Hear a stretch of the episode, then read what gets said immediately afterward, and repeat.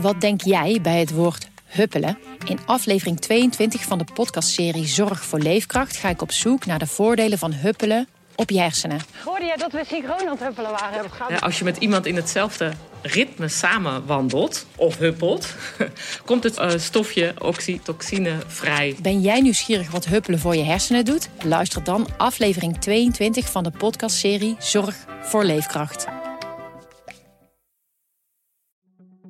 In Amsterdam gaan jaarlijks zo'n 5000 mensen dood. 500 van die overlijdens, dus 1 op 10, wordt niet direct opgemerkt of opgepakt door kennissen of nabestaanden. Een speciale afdeling van de gemeente moet eraan te pas komen om alsnog een broer, zus of verre neef te vinden. Als zelfs dat niet lukt, draait het uit op een eenzame uitvaart.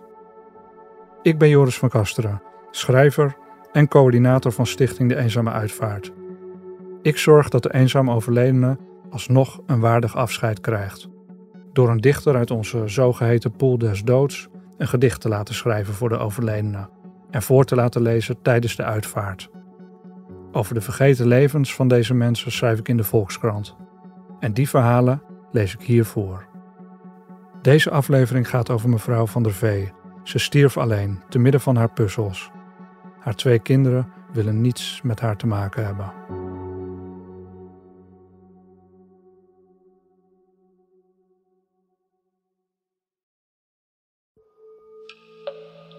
Puzzelstuk. Aan douchen deed de 77-jarige mevrouw van der Vee niet meer. Kranen en leidingen in de badkamer van haar portiekwoning boven een filiaal van de FOMAR aan het Bijlmerplein in Amsterdam Zuidoost zijn volledig verkalkt. Het lijkt hier wel een druipsteengrot.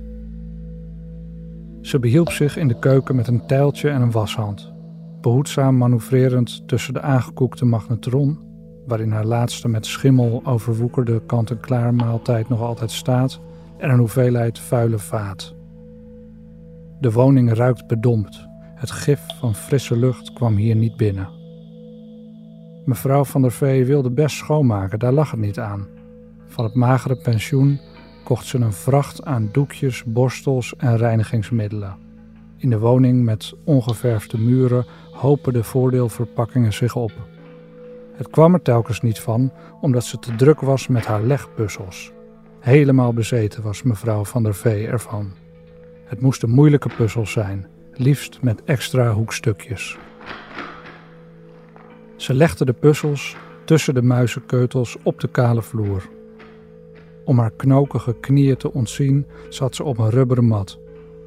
In de hoek van de huiskamer staat een kapotte tv op een kastje.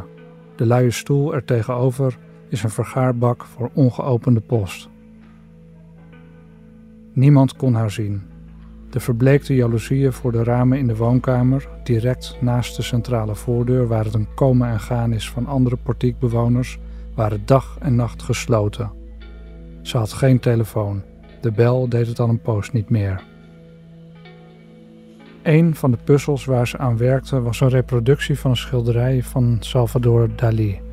Op het surrealistische doek staat Dali's vrouw Gala afgebeeld, onder een hallucinerend wolkendek en omgeven door bouwsels en voorwerpen in vreemde perspectieven. Vanwege de gelijkenissen die Dali aanbracht tussen de voorwerpen, zo hebben de druiven in Gala's hand exact dezelfde contouren als het galopperende paard en zijn er qua vorm overeenkomsten tussen het touwtjes springende meisje en een zwiepende torenklok was het een erg lastige puzzel die mevrouw van der Vee nooit zou voltooien. In de loop van de avond, als ze de puzzelstukjes in het licht van het zwakke peertje aan het plafond niet goed meer kon onderscheiden, strompelde ze naar de met lappen en oude kledingstukken verduisterde logeerkamer, waar ze onder een ruwe deken sliep.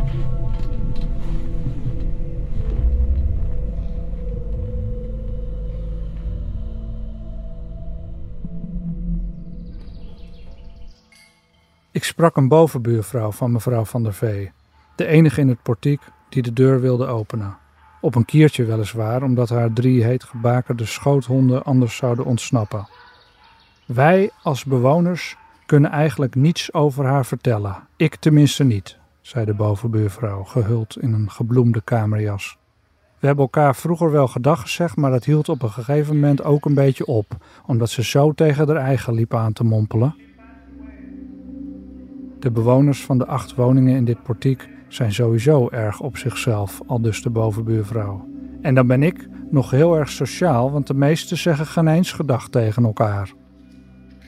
Met de man die helemaal bovenin woont, maakt ze soms een praatje. Hij is degene die de politie belde, omdat het hem in het voorbijgaan was opgevallen dat er een zoete kadaverstank uit de woning van mevrouw van der Vee leek te komen. De bovenbuurvrouw was die stank niet zo opgevallen.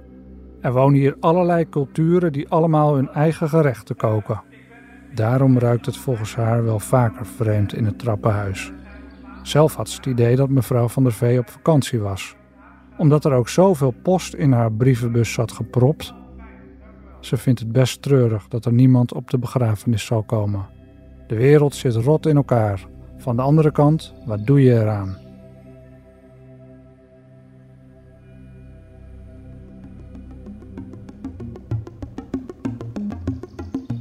De politie forceerde de voordeur. Mevrouw van der Vee lag naast het bed met de ruwe deken, in tamelijk vergaande staat van ontbinding. Geen sporen van geweld, constateerden de regisseurs. Gadegeslagen door nieuwsgierige buurtbewoners werd de brancard met daarop het in een zak verpakte lichaam in een geblindeerd bestelbusje geladen en overgebracht naar het gerechtelijk laboratorium in het mortuarium van het VU Medisch Centrum aan de Amsterdamse Zuidas. Een natuurlijke dood, concludeerde pathologen. Vermoedelijk in haar slaap onwel geworden en van het matras gegleden. Ze leek geen pijn te hebben geleden. Het lichaam lag er redelijk ontspannen bij, niet verkrampt. Het gebit was ruïneus, maar met hulp van gegevens die haar vroegere tandarts verstrekte, kon later worden vastgesteld dat mevrouw van der Vee inderdaad mevrouw van der Vee was. Ze leek in de verste verte niet meer op de foto in het paspoort dat in de woning was aangetroffen.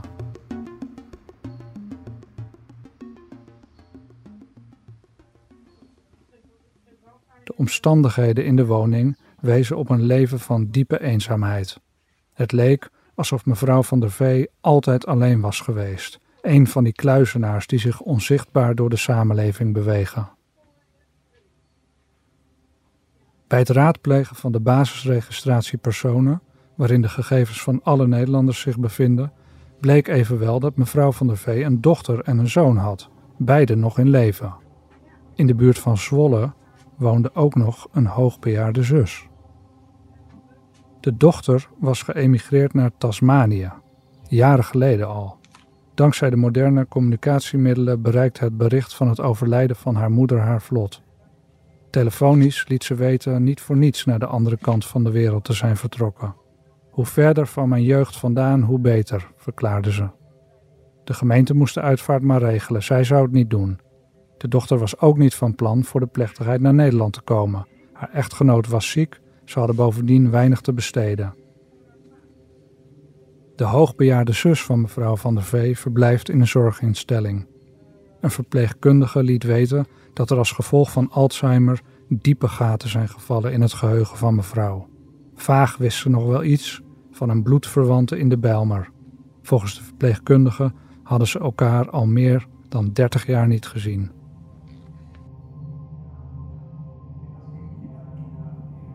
De zoon van mevrouw van der Vee woont in Enschede. Net als zijn zus reageerde hij onbewogen toen hij door team uitvaarten van de gemeente Amsterdam van de dood van zijn moeder op de hoogte werd gesteld. Ook hij weigerde de uitvaart te regelen of zelfs maar bij te wonen. Anders dan zijn zus was de zoon bereid mij het een en ander over zijn moeder te vertellen. Daarmee hoopte hij tevens zijn onverschilligheid over haar heen gaan te verklaren. De ouders van mevrouw van der Vee waren winkeliers in Omme. Ze hadden al wat oudere kinderen. Het was niet de bedoeling dat er nog een bij zou komen. Dat gebeurde toch in 1944. De kruidenierszaak rendeerde nauwelijks vanwege de oorlog. Om niet nog een mond te hoeven voeden, besloten de ouders het meisje, dat volgens hen niet helemaal in orde was, af te staan. Mevrouw van der Vee groeide op in een klooster bij Zwolle. De nonnen hadden weinig geduld met haar. Ze hebben haar er fysiek en verbaal flink van langs gegeven, vertelt de zoon. Als volwassen vrouw zou zijn latere moeder het klooster getraumatiseerd hebben verlaten. Ze bezocht haar ouders in Ommen die de deur in haar gezicht dichtgooiden en ontstak op straat voor de woning in razernij. De zus, die thans met gaten in het geheugen kampt, ontfermde zich over haar. Mevrouw van der Vee woonde bij de zus tot ze meneer de K. ontmoette, een bon vivant uit Amsterdam die onduidelijke handeltjes dreef. Ze was nooit eerder verliefd geweest. Deze onbekende geluksgevoelens verblinden haar. Ondanks protesten van de zus, die twijfels had bij de K, trok mevrouw van der Vee bij hem in. In de Amsterdamse Bijlmermeer huurde hij een woning in een fonkelnieuwe flat. Volgens de zoon was zijn moeder een afhankelijke, nogal kindse vrouw. In 1969 werd zijn inmiddels op Tasmanië woonachtige zus geboren. Mevrouw van der Vee behandelde de baby als een levende pop. Ze beschouwde haar als een soort zusje. Ze zat de godsganse dag met haar te spelen. De relatie met haar zoon, geboren in 1972, ontwikkelde zich in tegengestelde richting. Ze verwaarloosde mij omdat ze de hele dag alleen wilde zijn met haar zogenaamde zusje. In haar beleving verstoorde hij hun innige band. Vervolgens kwam aan het licht dat meneer de K. niet alleen een minderjarig meisje uit een naastgelegen Bijlmerflat seksueel misbruikte, maar ook zijn eigen dochter. Hij werd veroordeeld en gevangen gezet. Mevrouw van der Vee scheidde van haar man. Met de kinderen vond ze elders in de Bijlmer onderdak. De zoon herinnert zich haar pesterijen en het schoppen en het slaan. Door de wandaad van de vader openbaarde zich een mannenhaat in haar. Bij hulpinstanties gaf ze aan de opvoeding niet aan te kunnen. De zoon was acht toen hij in het burgerweeshuis belandde. Ze was blij dat ze van me af was. Hij werd in een pleeggezin geplaatst, vervolgens op een internaat. Toen hij rond zijn vijftiende contact met zijn moeder zocht, liet mevrouw van der Vee per brief weten dat ze niets met hem te maken wilde hebben. Ze herhaalde dus eigenlijk wat haar ouders haar hadden aangedaan. De zoon experimenteerde met drugs, wat resulteerde in een hardnekkige verslaving die hij in Frankrijk, waar hij jarenlang als hovenier werkte, pas te boven kwam. Terug in Nederland ging hij op zoek naar zijn vader, die op een zoldertje in Amsterdam-West bleek te wonen en aan de drank verslingerd was geraakt. Het was geen aangename confrontatie. Kort daarop is hij overleden, zegt de zoon. Ik ben niet naar de begrafenis gegaan. Zijn zus was intussen naar Tasmanië vertrokken. Ze reageerde niet op brieven die hij stuurde. Om met zijn verleden in het reinen te komen, besloot hij ook zijn moeder op te sporen en te confronteren met zijn ongerief. Mevrouw van der Vee woonde inmiddels aan het Bijlmerplein. De bel deed het niet, de zoon bonste op het raam. Omdat mevrouw van der Vee een uitkering genoot, waarbij men tegen haar zin voortdurend trachtte haar aan het werk te helpen, dacht ze dat de persoon aan de deur controleur van een of andere instantie was. Toen een andere bewoner door de centrale voordeur naar buiten kwam, glipte hij naar binnen en bonste op de voordeur. De deur ging open. Mevrouw van der Vee herkende hem niet. Ik zei: Ik ben je zoon. Mevrouw van der Vee gaf geen krimp. De deur ging dicht. Hij schreeuwde tot er politie kwam.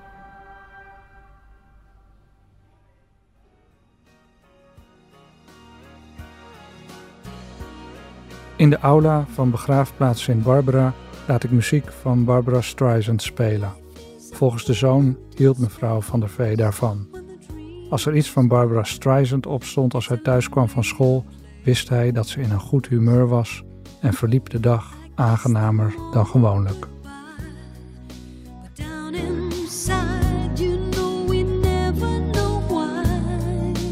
Daar lag u, zomaar, stil en ongezien, met in uw kast een stapel puzzels.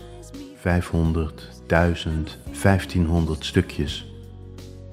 Waren ze mooi, uw luchtkastelen tussen de muizenkeutels op de vloer, bij schemerlicht van dichte jaloezieën?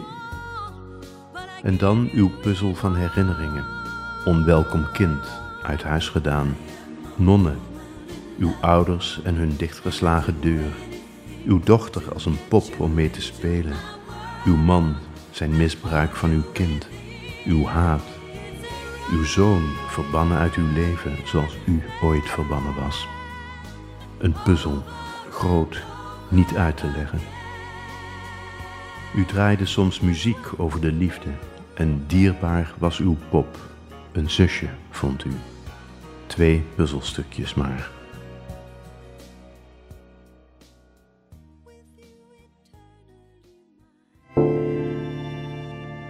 Dit was De Eenzame Uitvaart.